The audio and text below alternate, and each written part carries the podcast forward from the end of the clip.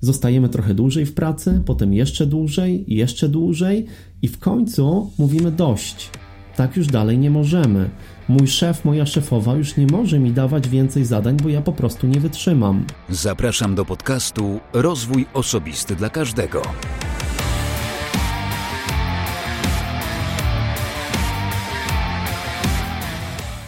Ja nazywam się Wojtek Struzik, a Ty będziesz właśnie słuchał 103 odcinka podcastu Rozwój Osobisty dla Każdego, który nagrywam dla wszystkich zainteresowanych świadomym i efektywnym rozwojem osobistym. W ostatnim odcinku moim gościem była Anna Agata Nowak, a z nią rozmawiałem o pozytywnej organizacji. Organizacji zarówno w firmie, jak i organizacji czasu. Jeśli jeszcze nie słuchałeś tego odcinka, to gorąco Cię do tego namawiam. Zapraszam do zapisania się na newsletter na stronie rozwójosobisty dla każdego.pl oraz do obserwowania podcastu na przykład na Instagramie. Dzisiaj moim gościem jest Krzysztof Herdzik, trener, konsultant i twórca autorskiego narzędzia wspierającego przedsiębiorców i liderów, ale o szczegółach usłyszysz dopiero w odcinku.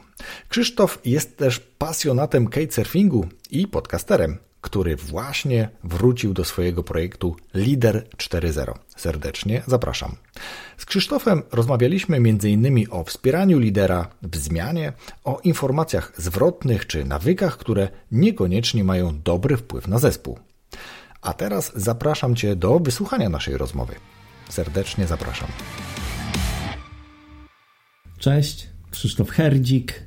Pomagam firmom w, w zatrzymaniu wiedzy i doświadczenia. A robię to na kilka sposobów. Pierwszy sposób to mm, jestem trenerem od przywództwa i innowacji. Drugi sposób to jest pomagam firmom zatrzymać e, pracowników w organizacji. Mam narzędzie do tego, które e, przewiduje prawdopodobieństwo odejścia pracowników i daje menadżerom czas na to, żeby się przygotować. Także tym się zajmuję. A autorskie narzędzie z tego, co słyszałem. Autorskie narzędzie mm, dosyć ciekawe, ponieważ e, ja już jakby szkolę ludzi od czterech lat albo aż od 4 lat i e, starałem się zawsze przekazać im narzędzie do tego, żeby mogli zastosować już od następnego dnia, po tym jak wyjdą ode mnie ze szkolenia. Czyli bardzo, bardzo praktyczne narzędzie. Jednym z narzędzi było narzędzie już, które stworzyłem jakiś czas temu do monitorowania właśnie prawdopodobieństwa odejścia pracowników. I jak nadeszła pandemia, to mówię sobie, kurczę, może to narzędzie warto byłoby w jakiś sposób odseparować od całości i wprowadzić na rynek. Także to w tej chwili robię. Okej, okay, dobra, to do tego jeszcze w takim razie dojdziemy. A teraz przejdziemy przez tą rutynę, e, która jest w podcaście, stety lub niestety, ale zawsze pytam i lubię odpowiedzi swoich gości, bo one też mnie często inspirują. Co jest Twoją pasją albo jakie masz pasje? Oj, y, moją pasją od pięciu lat jest kitesurfing i to naprawdę można nazwać jako pasję. Dawno, dawno temu moją pasją była gra na gitarze elektrycznej. Grałem na gitarze w zespole reggae.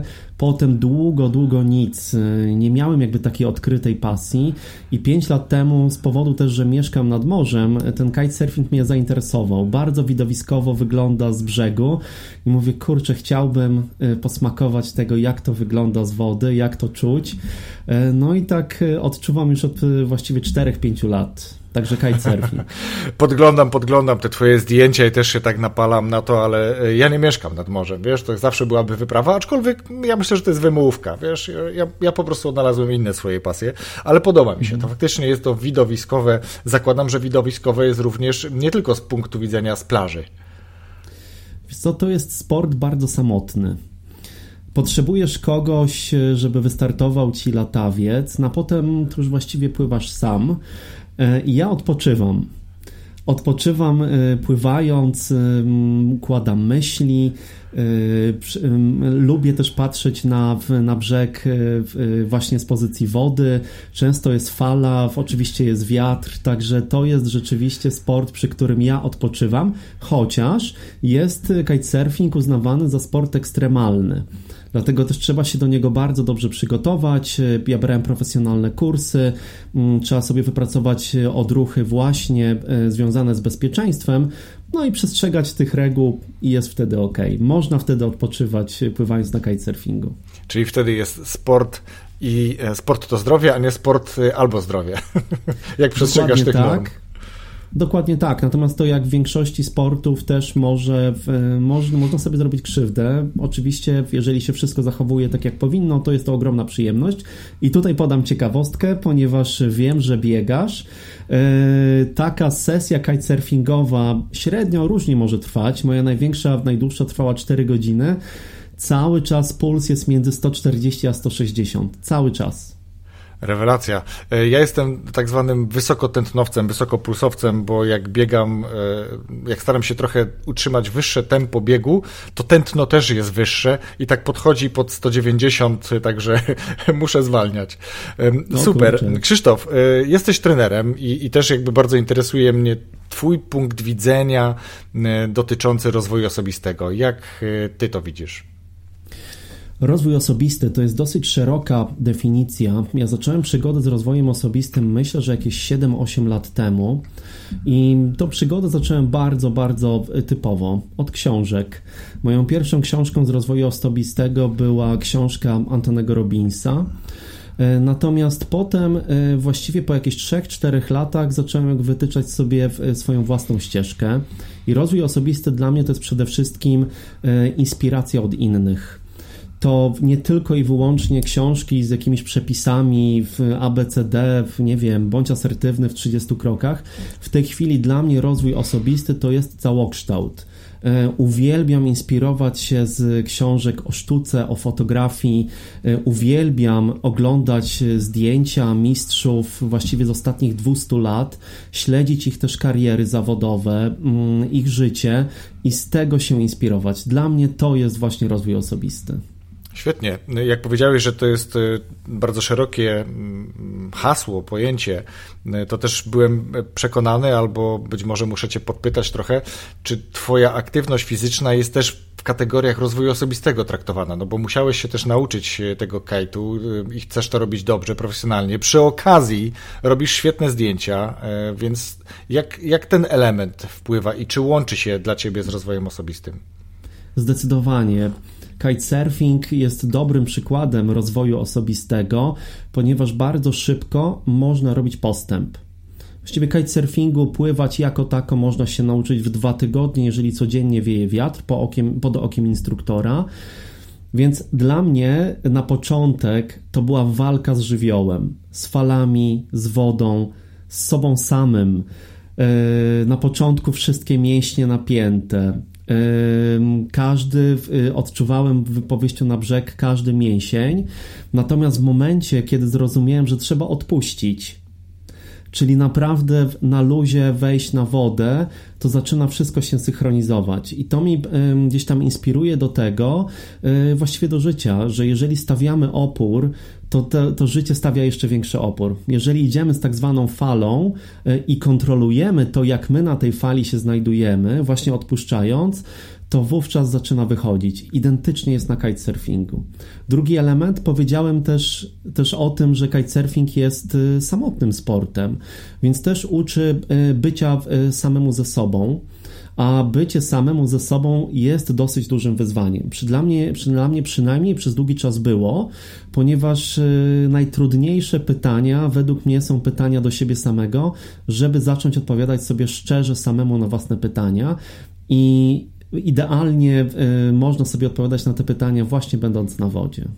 Bardzo podoba mi się ta e, metafora, o której e, powiedziałeś, i, i, i, to, co teraz jakby zamykałeś taką klamrą, że rozmowa sam, e, samemu ze sobą jest też ciekawą ja generalnie zachęcałem zawsze do tego i jakby zachęcałem do tego, żeby być ze sobą uczciwym i, i uczyć się zadawać pytania, najpierw samemu sobie, ale później jakby też, żeby umieć je dobrze zadawać innym, bo kto pyta nie błądzi jest takie stare powiedzenie, ale ono się faktycznie sprawdza, szczególnie jeśli mówimy o rozwoju właśnie znowu, no to warto pytać, warto dopytywać, warto się e, uczyć, więc ja teraz zapytam Ciebie, ponieważ e, dużo w tych treściach, które publikujesz, e, albo nie, wiesz co, zamienię kolejność, bo nie powiedzieliśmy słuchaczom, że ty też jesteś podcasterem, też masz swój podcast i ja się zapytowywuję, kiedy będą kolejne odcinki. Powiedz trochę o tobie, Krzyśku, podcasterze.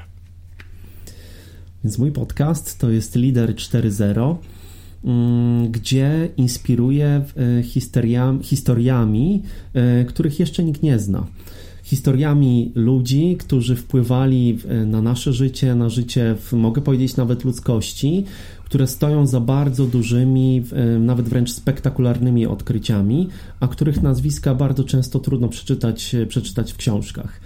E, uwielbiam w tych podcastach e, wczuwać się w rolę tych e, moich bohaterów, opowiadać historię. Staram się też nie tylko moimi słowami i historią nakreślić ich życiorys, ich dokonania, ale też używając różnego rodzaju dźwięków, muzyki, staram się jakby mm, namalować całość. Kiedy będzie następny, następny odcinek? Myślę, że za dwa tygodnie mam już następną historię e, człowieka, albo nie, więcej nic nie powiem, za dwa tygodnie, czyli gdzieś w połowie grudnia mm, będzie następny odcinek. Natomiast wierzę w to, że tacy ludzie zasługują na, na to, żeby, żeby ludzie o nich wiedzieli. Po drugie, w dzisiejszych czasach, przynajmniej z mojego środowiska i, i, i rozmów z wieloma osobami, brakuje takich normalnych ludzi, od których możemy się uczyć i inspirować.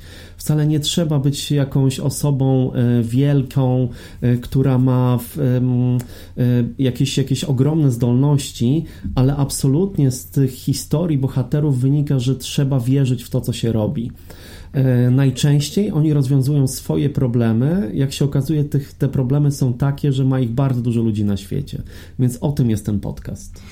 Y, potwierdzam, poza tym y, sam też czekam. To pytanie jest nie tylko ode mnie, ale też od jednego z patronów, kiedy będzie Twój podcast kolejny. Cieszę się, że to już za dwa tygodnie. Ja pamiętam szczególnie taki odcinek, gdzie mówiłeś o kimś z Azji bodajże, to już słuchałem dawno temu i mówię, kurczę, tak fajnie to jest zrobione, tak fajnie zmontowane. Właśnie nie jest to takie suche mówienie, ale jest tam klimat w tym podcaście i bardzo fajnie, że do niego wracasz, bo już wielokrotnie mówiłem, martwi mnie to, że bardzo dużo ciekawych projektów podcastowych z biegiem czasu zamiera. E, I, i, jakby później już ciężko się komuś do tego z powrotem zabrać, więc tym bardziej cieszę się, że za dwa tygodnie będzie odcinek. Pierwsze pytanie od patronów mamy za sobą, więc teraz przechodzimy do rzeczy, ponieważ mówisz i inspirujesz liderów, dajesz im też narzędzia, o których trochę później powiemy, to ja chciałem zapytać Ciebie ze swojego podwórka, jak i czy można wpłynąć, może najpierw czy można wpłynąć na zmianę mentalności lidera, no bo wiemy, że y, lider, jeżeli jest tego świadom, no to powinien ewaluować w miarę jak się zmienia środowisko, jak się zmienia koniunktura, rynek, rynek pracy między innymi, więc jak to robić, żeby, albo dobra, czy to raczej już wiemy, jak to zrobić, żeby było dobrze. Mhm. Ja kiedyś myślałem rzeczywiście, że można wpływać na zmianę mentalności liderów, I rzeczywiście było tak przez jakiś czas, że e, wpływałem. Natomiast zrozumiałem, że e, nic na siłę i zrozumiałem, że to, co można zrobić, to stworzyć warunki do tego, żeby taka zmiana zaistniała. Natomiast jest element kluczowy, że lider też no, chce tą zmianę, tą zmianę w sobie mm, no, zmienić. Więc uważam, że można stworzyć warunki ku temu, żeby lider się zmienił, natomiast bez jego zgody albo bez jej zgody nic na siłę. Więc y, lubię stwarzać warunki, y, nie lubię y, narzucać tej zmiany. Myślę, że nikt nie lubi i to jest trochę tak, że jak coś jest narzucane, to tak jak powiedziałeś z tym oporem, jeżeli na fali, tak, jak ty się blokujesz, ty się spinasz, to fala ciebie też blokuje i tutaj dokładnie ta metafora mi też pasuje, że w momencie, kiedy ktoś komuś każe się zmienić w jakiś sposób, no to jest opór, prawda? Co, co, mhm. co we mnie jest złego, co, co, co jest nie tak, że, że ktoś mi się każe zmienić, ale to mnie interesuje w takim razie, jakbyś powiedział, jak stworzyć warunki sprzyjające zmianie podejścia, zmianie mentalności lidera. Mhm. De facto pokazać, e, pokazać możliwości. Pokazać, co jest po tej drugiej stronie e, muru, po drugiej stronie e, drzwi, mm, nakreślić, inspirować poprzez historię, poprzez mm, właśnie możliwości, o których mówiłem już wcześniej, te możliwości pokazywać. Ja uważam też, że te warunki można stworzyć razem, czyli jeżeli mamy liderów i, stwarzamy dla nich warunki do transformacji, do zmiany, do rozwoju, to warto też te warunki stworzyć, stworzyć razem, żeby można było się rozwijać. Ja y, mam taki trochę z własnych obserwacji taką jakby własną krzywą zmiany. I teraz y, na początek jest, y, jeżeli mamy jakby taki, taki status, gdzie w, akurat lider, o nim rozmawiamy, natomiast mówimy w ogóle o ludziach na początku e, wszystko gra, zaadaptowaliśmy się do, do konkretnych, konkretnych warunków, wpadliśmy nawet już trochę w rutynę, czyli de facto nie mamy tremy z tym, co, co w danym momencie robimy, idzie gładko, bez oporu. Natomiast pojawia się pewno, pewne zakłócenie, pewna jakaś drobna zmiana e, i to, co wtedy robimy bardzo często, to robimy czegoś więcej, co już wcześniej zadziałało. I to działa do pewnego momentu, aż ta zmiana już jest tak duża. Przykład w pracy. Ktoś daje nam coraz więcej zadań, coraz więcej zadań, e, i my wierzymy, że jeżeli będziemy robić więcej tego, co robiliśmy wcześniej, to te zadania wykonamy. Zostajemy trochę dłużej w pracy, potem jeszcze dłużej, jeszcze dłużej, i w końcu mówimy dość. Tak już dalej nie możemy mój szef, moja szefowa już nie może mi dawać więcej zadań, bo ja po prostu nie wytrzymam. Moja rodzina e, czeka na mnie w domu i tak dalej, i tak dalej, i następuje frustracja. I teraz są dwa wyjścia. Pierwsze wyjście jest takie, że już poddaję się, kompletnie nic więcej nie robię, niech się dzieje co chce. Tak jest bardzo często, kiedy ludzie są sfrustrowani, poddają się i najczęściej wracają do punktu wyjścia. Natomiast jeżeli w, w pewnym momencie e, ludzie powiedzą, aha, czyli to tak naprawdę to, co się dzieje, że mam coraz więcej pracy, nie pomaga mi to, że to, co robiłem wcześniej, odnosiłem sukces, już w tej chwili nie działa, to oznacza, że ja nie mam konkretnych umiejętności, które pozwolą mi zająć się nową sytuacją. I w tym momencie przeskakujemy już mur, kiedy wiemy, że te umiejętności nam są potrzebne. Jak rozpoznać tą fazę? Przede wszystkim bardzo często ludzie mówią: Ja już nie chcę tego, co było. Nie chcę robić tego, nie chcę robić tamtego. I to już jest pierwszy znak na to, że jesteśmy po tej drugiej stronie drzwi. To znaczy, że już wiemy, że będziemy musieli nauczyć się nowych umiejętności, nowych kompetencji, żeby sobie z nową sytuacją poradzić. Potem następuje pustka, ponieważ już wiemy, czego nie chcemy, natomiast nie wiemy jeszcze, czego chcemy. I kiedy będziemy dalej próbować, to za chwilę się pojawić dobra. To ja już wiem, widzę to światełko w tunelu, już idę. Jestem po drugiej stronie lustra. Natomiast można ominąć tą frustrację, jeżeli wiemy, jak wygląda ten mechanizm. Czyli w sytuacji takiej, kiedy mamy, załóżmy, trzymając się tego, tego pozostawania w pracy, kiedy widzimy, że coraz częściej w tej pracy pozostajemy, zapala się żółta lampka.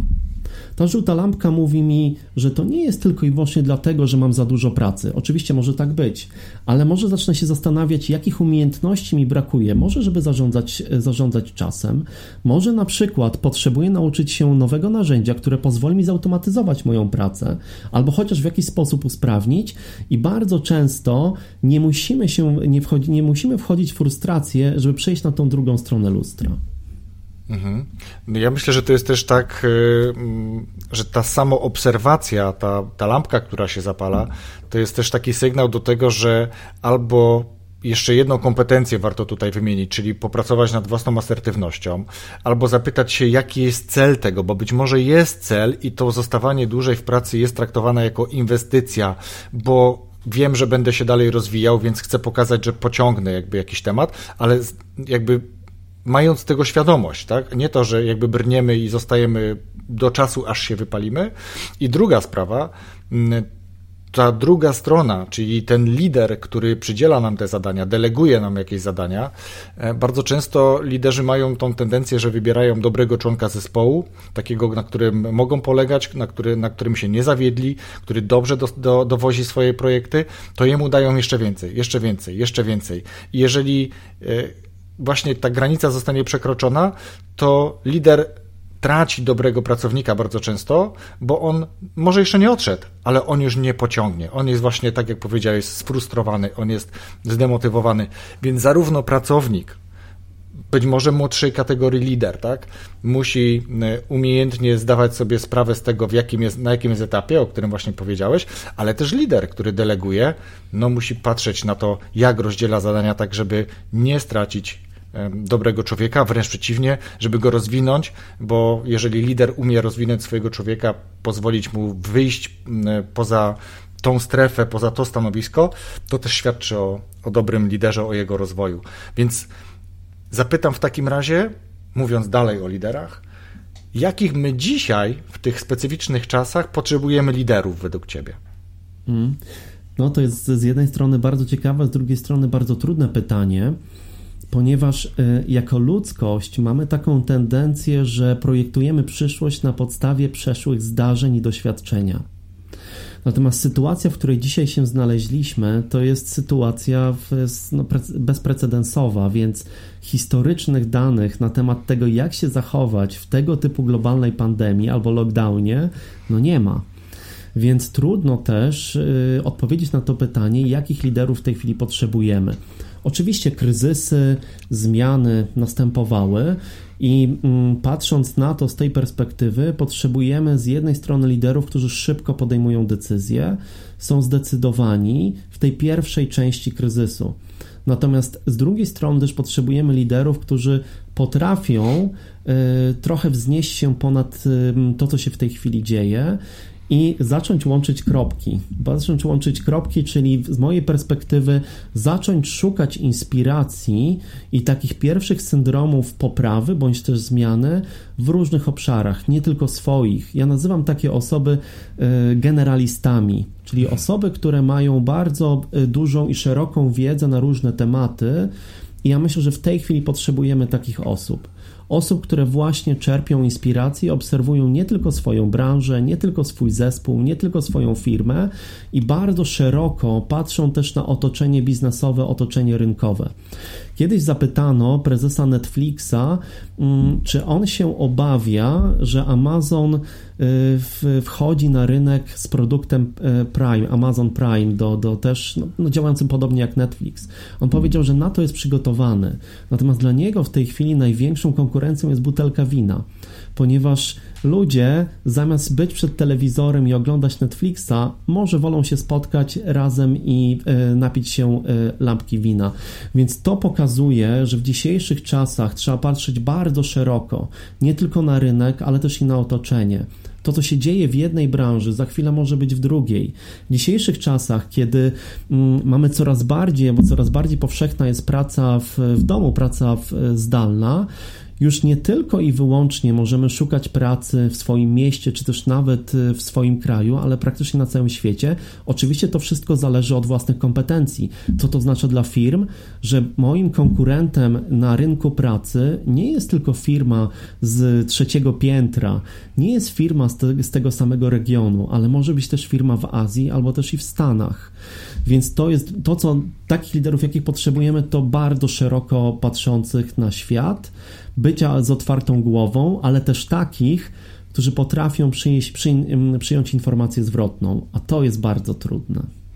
Świetnie, że powiedziałeś o tej informacji zwrotnej, bo to jest taki, e, taki temat, który mnie też bardzo interesuje, bo ja wiem, ile czasu mi zajmuje i zajmowało e, stworzenie takiej atmosfery pracy, żeby zespół, z którym ja pracuję, umiał powiedzieć mi, że się ze mną nie zgadza, że ma lepszy pomysł, e, to jest jakby coś, co no przede wszystkim trzeba mieć tego świadomość, tak? Świadomie otaczać się ludźmi, którzy w wielu dziedzinach będą mądrzejsi od siebie samego, czyli jakby tak, ode mnie, od lidera, mhm. tak sobie dobieram zespół, ale też daję szansę temu zespołowi wypowiadać się na wszelkie tematy. Nie tylko mówię, że jestem otwarty, ale jestem otwarty, nie? bo to są dwie różne rzeczy. I to jest y, dobra rzecz. Natomiast to, co powiedziałeś, to, to ja chcę nawiązać do dwóch rzeczy tylko.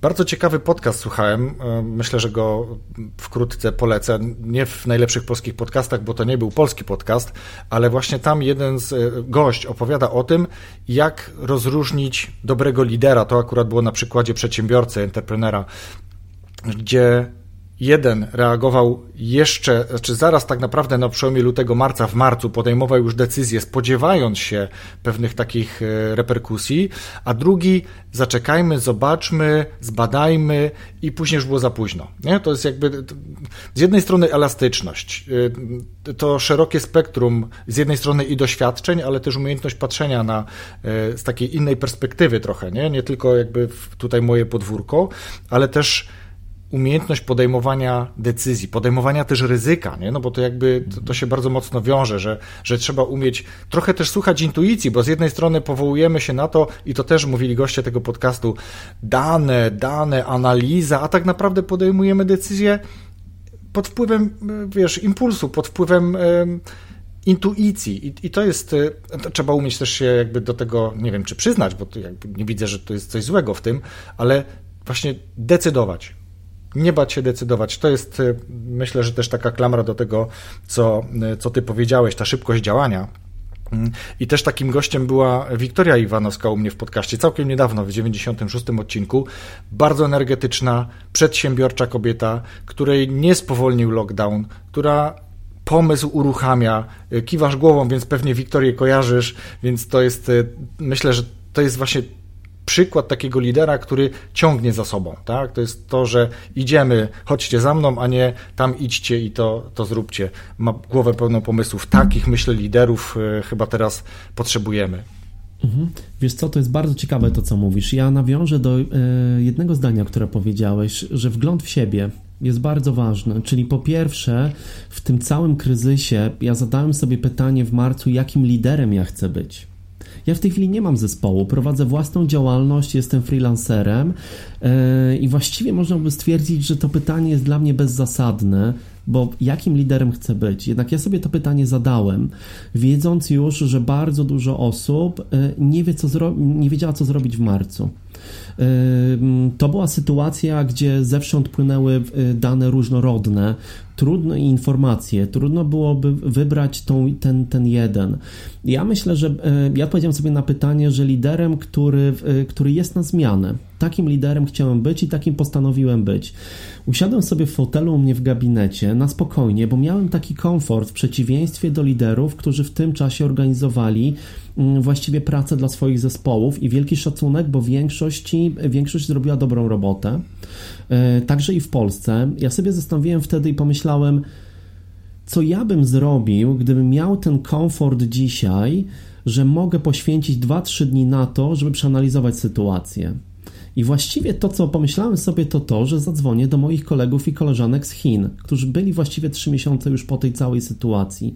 Spędziłem ponad 30 godzin na rozmowach z, myślę, z 20 liderami e, z Chin Oczywiście oni mają swoją specyfikę, ale powiem Ci, że potem zorganizowałem, zacząłem organizować webinary. Zależało mi na tym, żeby firmy miały chociaż jakąś podstawę do tego, jakiś punkt zaczepienia, jakiś, jakiś element pewności w tej ogromnej niepewności i pokazałem, jak tydzień po tygodniu, czego można się spodziewać na przestrzeni następnych trzech miesięcy.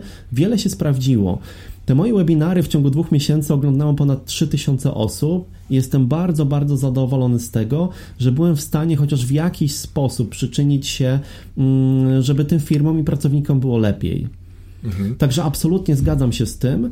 E, drugi element, na który jakby e, chcę zwrócić uwagę, to hmm, chyba już trochę zaczęliśmy mówić o, e, o tej informacji zwrotnej. Ja w tej chwili wprowadzając nowy produkt na rynek, yy, poszedłem bardzo, bardzo metodycznie. Zobaczymy, czy mi wyjdzie, czy mi nie wyjdzie. Natomiast Zapisałem się do, tak, e, do Startup School. Jest taka, taka szkoła w San Francisco organizowana przez taki akcelerator Y Combinator, jeden z największych na świecie. I mamy raz w tygodniu takie sesje feedbackowe z różnymi startupami z całego świata.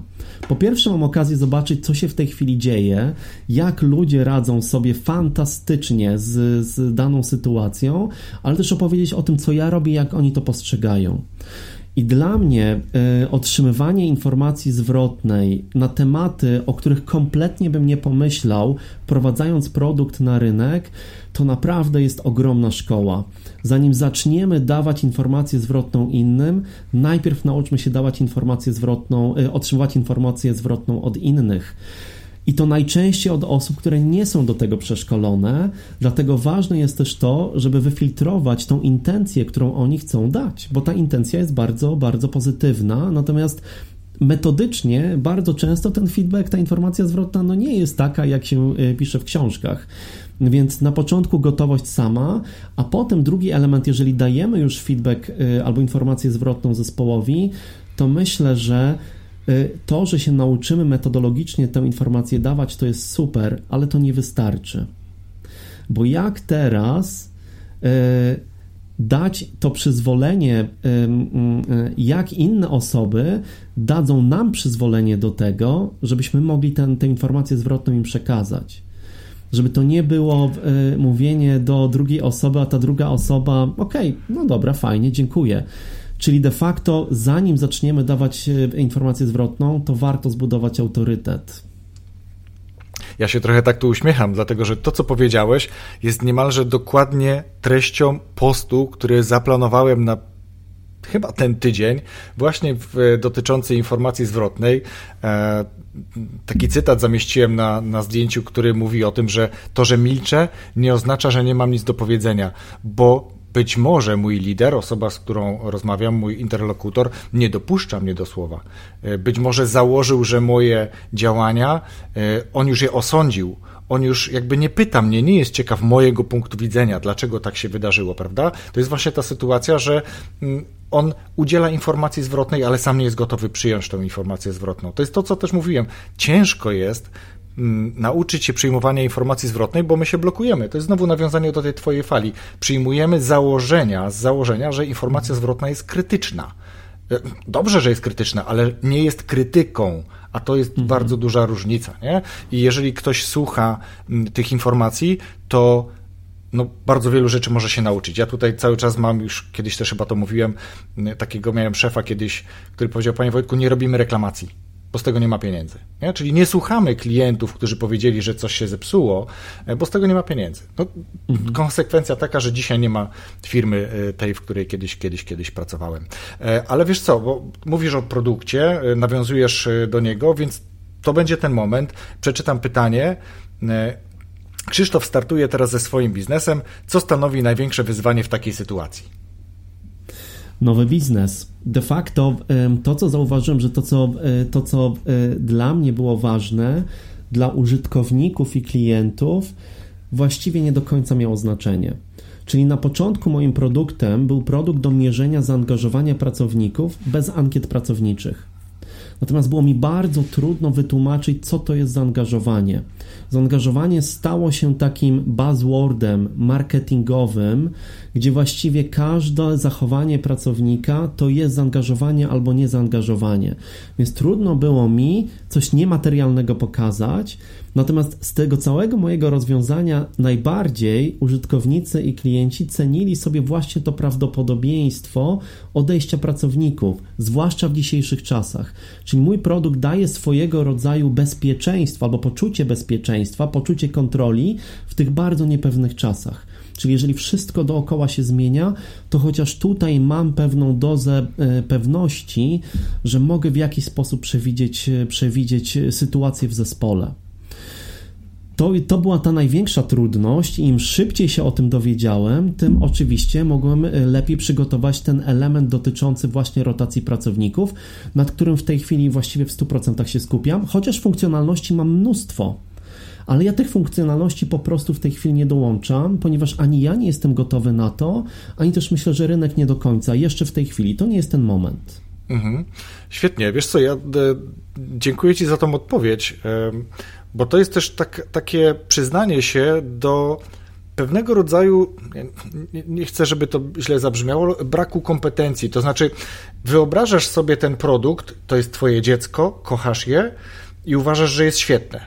Przy czym rynek, na szczęście jeszcze nie rynek, weryfikuje to. I ta weryfikacja dzisiaj przyszła z tej grupy, o której opowiadasz, z tego kursu, o którym mówisz, tak? To jest dla mnie trochę tak jak mastermind. To jest, to jest coś takiego, gdzie wymieniasz się opinią z osobami przychylnymi ci, ale nie klakierami. Tak? Czyli one udzielą ci tej informacji zwrotnej, ale powiedzą ci, Krzysiek, tu chyba nie masz racji. Spróbuj podejść do tego od tej strony, bo ja jako pracownik, bądź ja jako klient widzę to tak. Nie? I to jest coś, za co ludzie są w stanie zapłacić ciężkie pieniądze, a czego nie jeden nie potrafi zrozumieć, nawet kiedy ma za darmo, bo traktuje to jako właśnie krytykę, a nie informację zwrotną. Więc bardzo dziękuję Ci, że o tym mówisz, bo to jest też zachęta do tych, którzy myślą o własnym produkcie, o własnym biznesie, o własnej działalności, żeby nie byli zbyt pewni siebie, zbyt zarozumiali, tylko żeby dali e, szansę skonfrontować pomysł z osobami, które być może już się na paru takich rzeczach poprzewracały. Mhm. Absolutnie. Dodam jeszcze jedną rzecz, że mm, właściwie ja stworzyłem produkt, którego brakowało mi w momencie, kiedy byłem dyrektorem zarządzającym. I ten produkt byłby rzeczywiście dla mnie idealny do tego, żeby zarządzać, zarządzać ludźmi na dużą skalę. To, co mnie zawsze interesowało, zawsze, to, co dosyć często mnie interesowało, to jest to, jak z pozycji dyrektora zarządzającego um, przekazać swoją ideę, swoje pewne wyobrażenie na temat tego, jak wygląda firma, jak wygląda kultura organizacyjna na wszystkie osoby w organizacji. Łatwo, zdecydowanie dużo łatwiej przekazać to bezpośrednim pracownikom, ale jak oni przetłumaczą to, co czujesz, często niewypowiedziany sposób swoim pracownikom, swoim zespołom i tak dalej, i tak dalej. Więc tych, tych, że tak powiem, mm, poziomów przekazania jest bardzo dużo. No i oczywiście znamy grę związaną z głuchym telefonem, że to, co ja przekażę, wcale nie okaże się, że dwusetny, trzysetny pracownik zrozumie w ten sam sposób. Więc to jest ogromna sztuka. Ja potrzebowałem narzędzia, które też jest trochę takim narzędziem, gdzie mierzy tą kulturę organizacyjną. Ale na tę chwilę narzędzie w takiej formie nie jest potrzebne na rynku. Ludzie mają naprawdę w tej chwili dużo, dużo ważniejsze sprawy niż to, czy rzeczywiście dzisiaj ja mam wprowadzać kulturę organizacyjną, która nie wiem, czy za dwa miesiące będzie jeszcze aktualna, bo jestem, ponieważ jestem w tak ogromnej zmianie, że nie wiem, co będzie za dwa miesiące. Więc tak naprawdę ten produkt okroiłem o 99 y, funkcjonalności i wprowadzam jedną. Zobaczymy, co będzie dalej no to tak naprawdę masz świetny, świetne rezerwy do tego, żeby ten produkt później rozwijać, włączając po kolei każdą jedną funkcjonalność w zależności od tego, jak rynek będzie się na niej otwierał. Więc to jest też tak. bardzo, bardzo ciekawy e, pomysł, bardzo ciekawe podejście. Ja myślę, że e, w kontekście zaangażowania i, i wielu innych tematów tak naprawdę, to to, co dzisiaj jakby następuje w bardzo wielu firmach, bo nie wszędzie, e, to ta kultura, o której też dużo mówimy, ty dużo mówisz, mm, takiego przyzwolenia, może nie przyzwolenia, zaufania. Zaufania, że ten pracownik, który pracuje z domu, on pracuje ja się cały czas spotykam z takimi informacjami od osób, które czasami albo do mnie piszą, albo z kimś rozmawiam, mówi, a słyszałem od kogoś tam, to nigdy wiesz, to, to jest, pytam w imieniu kolegi, nie? To, to, to, jest, to nie ja pytam, mm, że właśnie tak się odbywa, że na przykład jest kilka sesji w ciągu dnia wideo, żeby sprawdzić, czy ten pracownik faktycznie jest w domu, czy on jest przy kamerze, czy on jest jak, nie wiem, trochę mi się kojarzy jak pies przy budzie na łańcuchu, bo, bo, bo tak ma być, tak? Muszę go rozliczyć. Przy czym to moim zdaniem wcale nie sprzyja i tak rozmawiam często też często, no chciałbym pewnie częściej, z moją siostrą, która ponad 20 lat mieszka w Stanach i tam ta kultura pracy zdalnej jest zupełnie na innym poziomie.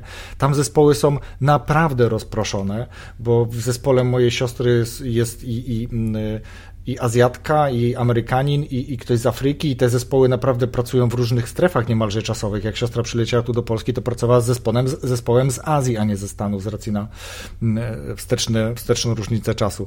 Więc to, to jest myślę też ważne, żeby z czasem to, to Twoje narzędzie pomagało faktycznie mm, w budowaniu takiej świadomości i dobrych nawyków u liderów, które sprzyjają zespołom. A skoro jesteśmy teraz przy nawykach, to chciałem Ciebie zapytać, jak złe nawyki lidera wpływają na zespół i jakie to są nawyki, jakbyś się podzielił tym ze swojego doświadczenia? Hmm. No to jest bardzo ciekawe. Mm, jak złe nawyki wpływają na, na zespół? E, jeden z takich, trudno może, nie wiem czy to można nazwać nawykiem, ale patrzenie z własnej perspektywy. To jest trochę już nawiązanie do co mówiliśmy wcześniej o tym, o tym produkcie, natomiast e, wcale niekoniecznie to, z jakiej my perspektywy patrzymy na świat, jest tą jedyną właściwą perspektywą czasami warto spojrzeć na świat też, też z innej perspektywy. Mnie tutaj bardzo dużo nauczyła fotografia, gdzie y, mój ulubiony fotograf, Chris Nedental, y, fotograf reportażysta, pokazywał nam zdjęcia, swoje jedne z najlepszych zdjęć że to było to, potem dwie minuty przed i dwie minuty po, jak wyglądały zdjęcia. One praktycznie nie za dużo się różniły. Różniły się jednym krokiem w lewo, jednym w prawo. Natomiast ta perspektywa no, czasami ma, ma ogromne znaczenie albo bardzo często, więc warto tą, tą perspektywę, perspektywę sobie z zespołem budować. Więc pierwszy taki nawyk, patrzę tylko z własnej perspektywy, Nie, nie działa, mhm. zwłaszcza dzisiaj.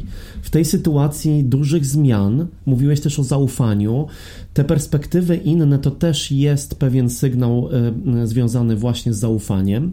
Drugi element to jest też, że mm, założenie że jeżeli mam w tytule szef, lider, menadżer, prezes, ktokolwiek, to z założenia mam już autorytet zbudowany. Guzik prawda. Nawiązałeś też do, do, do, do, do kultury zarządzania ludźmi w Stanach Zjednoczonych i tutaj. Ja kiedyś na konferencji pokazałem slajd bezrobocie w Stanach Zjednoczonych od lat 90. do dzisiaj i w Polsce. Tamto bezrobocie poza 2008-2009 rokiem i dzisiaj było na poziomie 3, maksymalnie 5%. U nas przez 20 lat było 20, 15, 9, 10 i rzeczywiście ta formalna wizytówka, jestem menadżerem, jestem liderem, jestem prezesem, ona działała ale ostatnie 6-7 lat obnażyło dosyć sporą niekompetencję wśród menadżerów, nie tylko w Polsce, ale w ogóle w Europie Środkowej i Wschodniej. Nie mieliśmy się też od kogo uczyć, natomiast pokazuje, że te formalne formalne autorytety, no one już po prostu nie działają.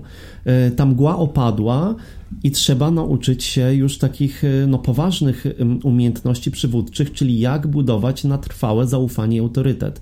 Więc ten nawyk związany z tym, że y, to, że w, naz w nazwie stanowiska mamy menadżer, wcale, wcale nie oznacza, że już ludzie mają nas słuchać. To nie oznacza też to, że my mamy prawo dawać tę informację zwrotną, a ktoś nas ma tej informacji, y, tę informację akceptować. Bardzo często może po prostu nas y, y, dawać nam kontrę w postaci tego, że nie, ja się nie zgadzam z, z Twoją informacją zwrotną.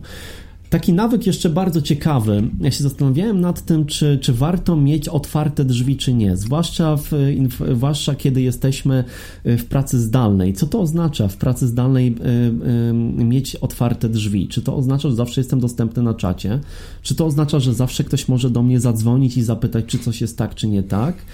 Mm, I zastanawiam się rzeczywiście, czy ten nawyk y, y, otwartych drzwi, który bardzo często jest postrzegany jako coś pozytywnego, czy on rzeczywiście jest pozytywny. I ja myślę, że, mm, że nie jest pozytywny.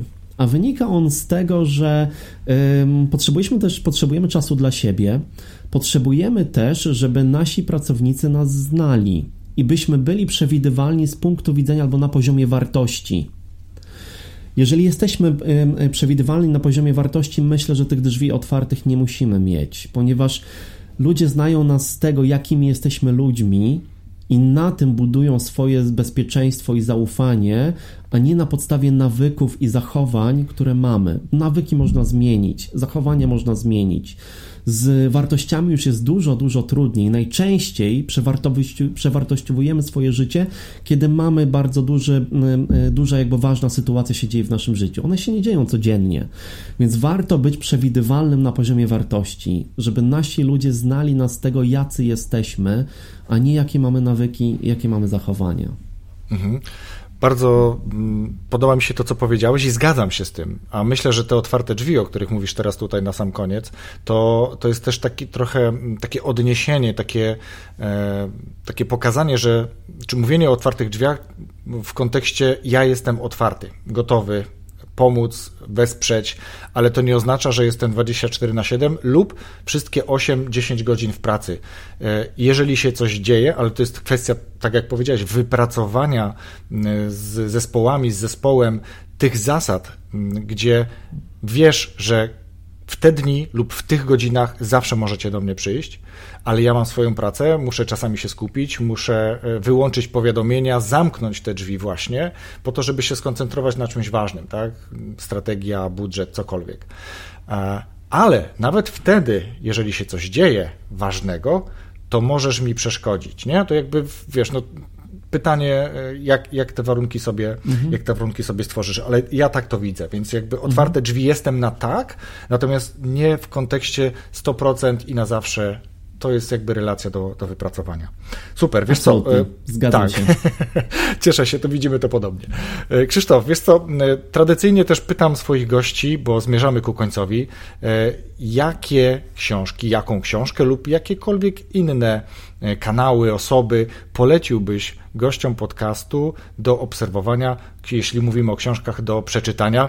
Powiem Ci szczerze, że w ostatnim czasie trafiło do mnie sporo takich informacji zwrotnych na temat tego, że ludzie czekają do tego momentu, aż gość poleci książkę bo jest to dla nich wartościowe i interesujące. Do tego stopnia, że na stronie powstanie wręcz zakładka ze książkami, bo sprawdziłem, zmierzyłem, tam jest ponad 200 pozycji już. Te 100 odcinków, które miało premierę kilka tygodni temu, to już e, ponad 200 pozycji książek, więc myślę, że e, nawet jeśli one się zdublują, to tylko pokaże, że, że, że te pozycje są wartościowe, więc słucham. Pewnie. Jedna książka, którą zabrałbym na bezludną wyspę, to jest książka Technika uwalniania e, doktora e, Davida Hawkinsa. Książka na dzisiejsze czasy, która w fenomenalny sposób opisuje nasze emocje, jak możemy my je zrozumieć u siebie, jak możemy też nimi, e, nad nimi zapanować, ale też jak zrozumieć drugiego człowieka poprzez emocje drugiego człowieka. Fantastyczna książka, polecam absolutnie. Jest kluczem do zrozumienia siebie i innych ludzi. A już poza książką, to bardzo zachęcam do tego, żeby e, przeglądać sobie w internecie albumy ze zdjęciami. Zacząć czytać, jakie historie za zdjęciami się, e, się kryją, ponieważ te historie bardzo inspirują do tego, żeby patrzeć na świat właśnie z różnych perspektyw, co jest też bardzo ważne w dzisiejszych czasach. Pokazywanie mm, reporterów, reportaży, zdjęć modowych też absolutnie, zdjęć z, drugich, z II wojny światowej, poznanie historii, jak powstawały pierwsze zdjęcia, jak pokazywały świat e, oczami fo fotografa i aparatu, do tego zachęcam. Mhm. Bardzo inspirujące, bardzo ciekawe. Ja też bardzo lubię oglądać zdjęcia, nie tylko te, które mam w telefonie, bo mam ich chyba już ponad 4000, bo robię jednak dużo zdjęć y, na różne potrzeby, ale też te, które właśnie w internecie są, czy jak poszukuję na przykład inspiracji do tego, żeby jakiś post przygotować, zamieścić, Unsplash, czy, czy parę innych portali takich ma mhm. naprawdę genialne zdjęcia. Ale ja ciebie chciałem zapytać o jeszcze jedną rzecz. Powiedziałeś gdzieś na początku, że też jakby twój rozwój zaczął się od y, książki i nie powiedziałeś tytułu, powiedziałeś tylko, że Robinsa, Antonego Robinsa. Pamiętasz, co to była za pozycja? No i wypadło mi w tej chwili z głowy. To jest taka bardzo gruba, klasyczna jego obraz Narzędzia tytan. Olbrzyma. A nie, obudź bo to sobie nie, olbrzyma. Ob, obudź mhm. sobie olbrzymia, bo tytan, y, narzędzia tytanów to, to nie są Robinsa. Oczywiście, że tak. Obudź sobie olbrzyma, to też jeszcze dodam do, do tych książek, które zakładam, żebyś rekomendował, skoro była to taka książka i wspomniałeś Robinsa, bo to jest też taki model trochę w Polsce nie do końca być może zrozumiały i akceptowalny tego, co Robins robi e, w ramach takich grupowych terapii, coachingów czy cokolwiek, bo tam pada bardzo często taka informacja zwrotna, której wcale nie chcielibyśmy usłyszeć, a która może być przełomowa, przynajmniej z tego filmu z tego filmu, który oglądałem o Robinsie e, dokumencie e, o nim i to, jak, jak przeprowadza cały, cały event, jak, jak to wygląda, jak tym ludziom pomaga, bo, bo tak to należy nazwać, to, to, to można się zdziwić i myślę, że my nie jesteśmy jakby mentalnie, e, my Polacy, mówię tutaj pewnie nie tylko Polacy, ale Europejczycy, nie jesteśmy do końca gotowi na tego typu terapię grupową, na taką zmianę. Co myślisz o tym?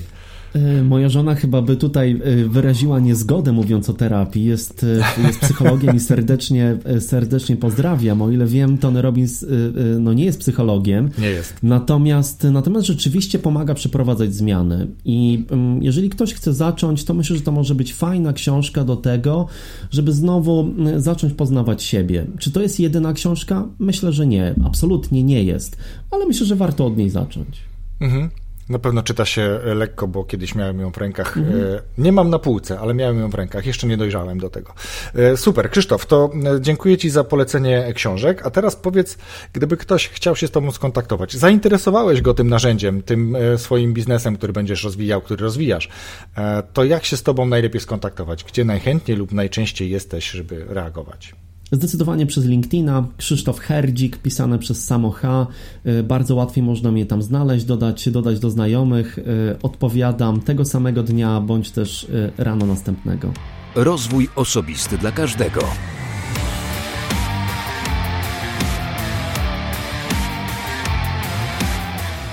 Cieszę się, że Krzysztof wraca do swojego podcastu, bo to bardzo ciekawy projekt.